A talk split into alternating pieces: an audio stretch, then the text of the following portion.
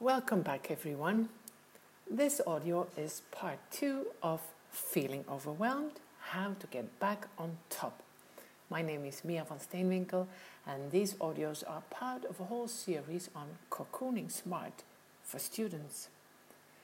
This session builds on what we covered in the previous session in part one. The preparation that we did in part one is essential for this part two to be effective, so please do that part one first. And when you have done the exercises in the previous audio, you're gonna rock with this one. This part is based on the metaphor used by the late Stephen Covey. And maybe you came across his book, The Seven Habits of Highly Effective People. By the way, if you haven't read it, read it. It's not that long and it's great for anyone looking to build a beautiful and strong personality. The metaphor he's using is about sorting your rocks out. Dr. Covey suggests we think about all the stuff that we have to do as rocks big rocks and smaller gravel and sand. In our life, we have to deal with all these big rocks and gravel and sand. The size of the rocks represent their importance to us. The big rocks really should be the ones that get priority. They are the most important after all. The problem is they must all fit somehow into our life, but we can only do so much, right? Well, let's imagine putting all of our rocks, gravel, and sand into a glass jar. A glass jar is good because we can see what's going on inside. Pour the gravel and the sand in first. Great, it all fits into the jar. There's even room left over, right? But, oh, now the big rocks do not fit anymore. Okay, I got this. Let's put the big rocks in first. Once they're in the jar, let's try to pour the sand and gravel in as well. Wow, look, sand and gravel naturally falls into all those spaces between the big rocks. I got a completely different result, not because I did something different, but simply because of the order in which, I did things big rocks first, it fits. Sand and gravel first, no more space for the big rocks. That's the metaphor that Dr. Covey uses to show that you can fit nearly everything in if you take care of the most important stuff first. Now, which are your big rocks? Well, that's the ones you indicated in red and in green on your A4 sheet, sheet from the part 1 audio. Stephen Covey explains us how we can use a matrix for all the activities in our life using two factors urgency and importance. To use this method, please take a blank A4 piece of paper and draw a square box and then divide it into four square quadrants. So the first quadrant, the one in the upper left, you can write at the top of it in capitals Q1, quadrant 1, eh? urgent and important. And you color the frame of this quadrant red. The quadrant in the upper right is Q2, and you write at the top of it not urgent, but still important and you color the frame of this quadrant green. The lower left is Q3, urgent but not important. It gets the color orange, and the quadrant in the lower right is Q4 and it stands for neither urgent nor important. And you color it blue. Now, take that to-do list that you created during audio 1. You got it? And on that list, you have highlighted some activities in red and others in green, right? So now you write all your red activities in quadrant 1 and the green ones in quadrant 2. And whilst you do that, you may find a few more activities even. It's, it's dynamic, of course. Please pause the audio now and I'll give you some time to do that.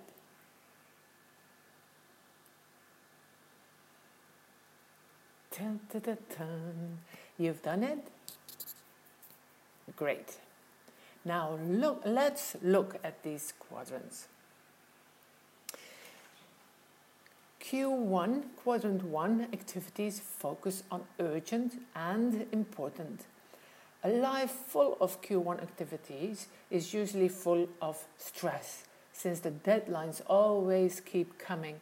The things to do are very urgent and important, and that's why when we have our lives focused on these activities, we are continuously working to solve crises, responding to deadlines we are continuously in a reactive mode, firefighting. We may become entirely consumed with Q1 activities. Problems are always appearing one after another, and we rarely have free time, and we feel very, very overwhelmed. I'd call this the stress box. Q2, not urgent, but still important. A task is not urgent but still important when it gets you to your biggest goals, for example, related to your studies and closer to the person who you want to become in the future. Listen to the word become. These are growth activities, your long term goals and ambitions. Let's call it the growth box. These activities usually take time to complete and are typically centered around moving towards long term goals and your dreams, towards improving yourself, towards strengthening relationships, and so on. And they involve daily and weekly scheduling, otherwise, they simply don't happen. For example, if you want to stay healthy and fit, you must schedule and do your exercises on a daily basis. If you want to do good exams at the end of the term, you need to schedule deep focus study time every day. You get it? Q1 and Q2 activities are your big rocks. Now we have some activities remaining uncolored on our list, right? These are the activities for Q3 and Q4. These are the gravel and the sand. Yep, they have to fit around the others they go in last. Q3 activities are urgent but not important. These activities are often responses to what other people want from you, but which, if you think about it, are not helping you towards your goals. For example, you're browsing the internet and get really interested in what they want to sell you. So you spend ages searching the web and comparing to find out that it's not worth your money or time anyway. And giving them money helps their goals, not yours. Another example of Q3 would be to respond to all the requests that other people would like you to do for them. Mind you, some of it you do need to do, and I'm not saying that you can't help people and that you must be selfish. Helping others can definitely be on your activity list, definitely. But personally, I'd put them in my Q2 box because helping others is something that I value and that I find important. It all depends on what you find important in your life. The main reason why people spend time in Q3 uh, on Q3 activities is often the lack of clearly defined long-term goals. If you didn't take time to define your aspirations in life and the activities related to them, you are more likely to pick up every task that appears in front of you. If you only have a short term focus, you will be constantly reacting to things that are thrown in front of you. Activities which are urgent but not important for the person who you want to become or want to be. I'd call it the sidetrack box. If you're not careful, box 3 activities will fill your jar with gravel and there'll be no space for any big rocks. Q4 Q4 activities are neither urgent nor important. They are the sand. They are often time wasters and provide no meaningful value. Let's call it the waste box.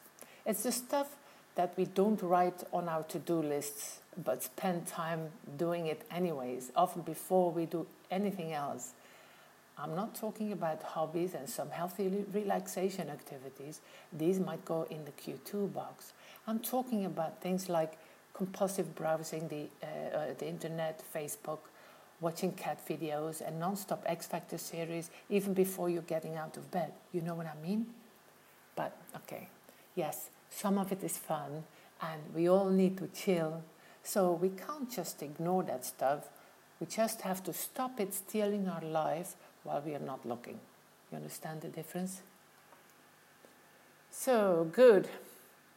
Please now stop the audio and fill in your Q3 and Q4 stuff.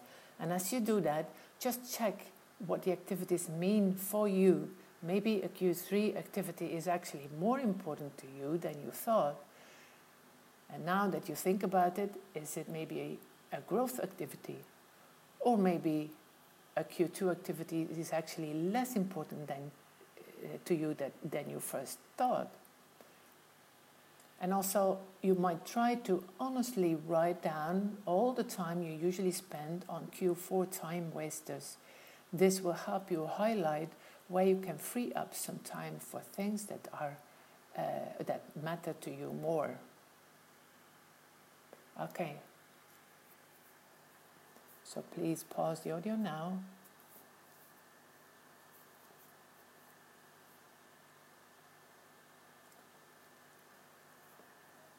All right, done. Absolutely great work. You know now how to matrix your life week by week.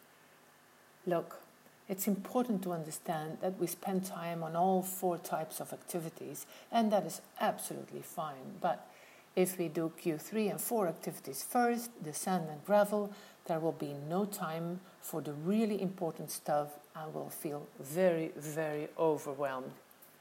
Q1 activities will always be there, but the bottom line is the more we focus on Q2 activities in the growth box, the less activities will move into your stress box by becoming urgent, and the less overwhelmed will feel. You will find that the more often you do this exercise, the easier it gets. The more aware you will be of what's important for you, and the more in control that you will be. So, we have now categorized our activities for the week. Now, how are we going to schedule them? Because as long as they're not scheduled, scheduled, they still won't happen. Scheduling smart. That's then the topic for part three.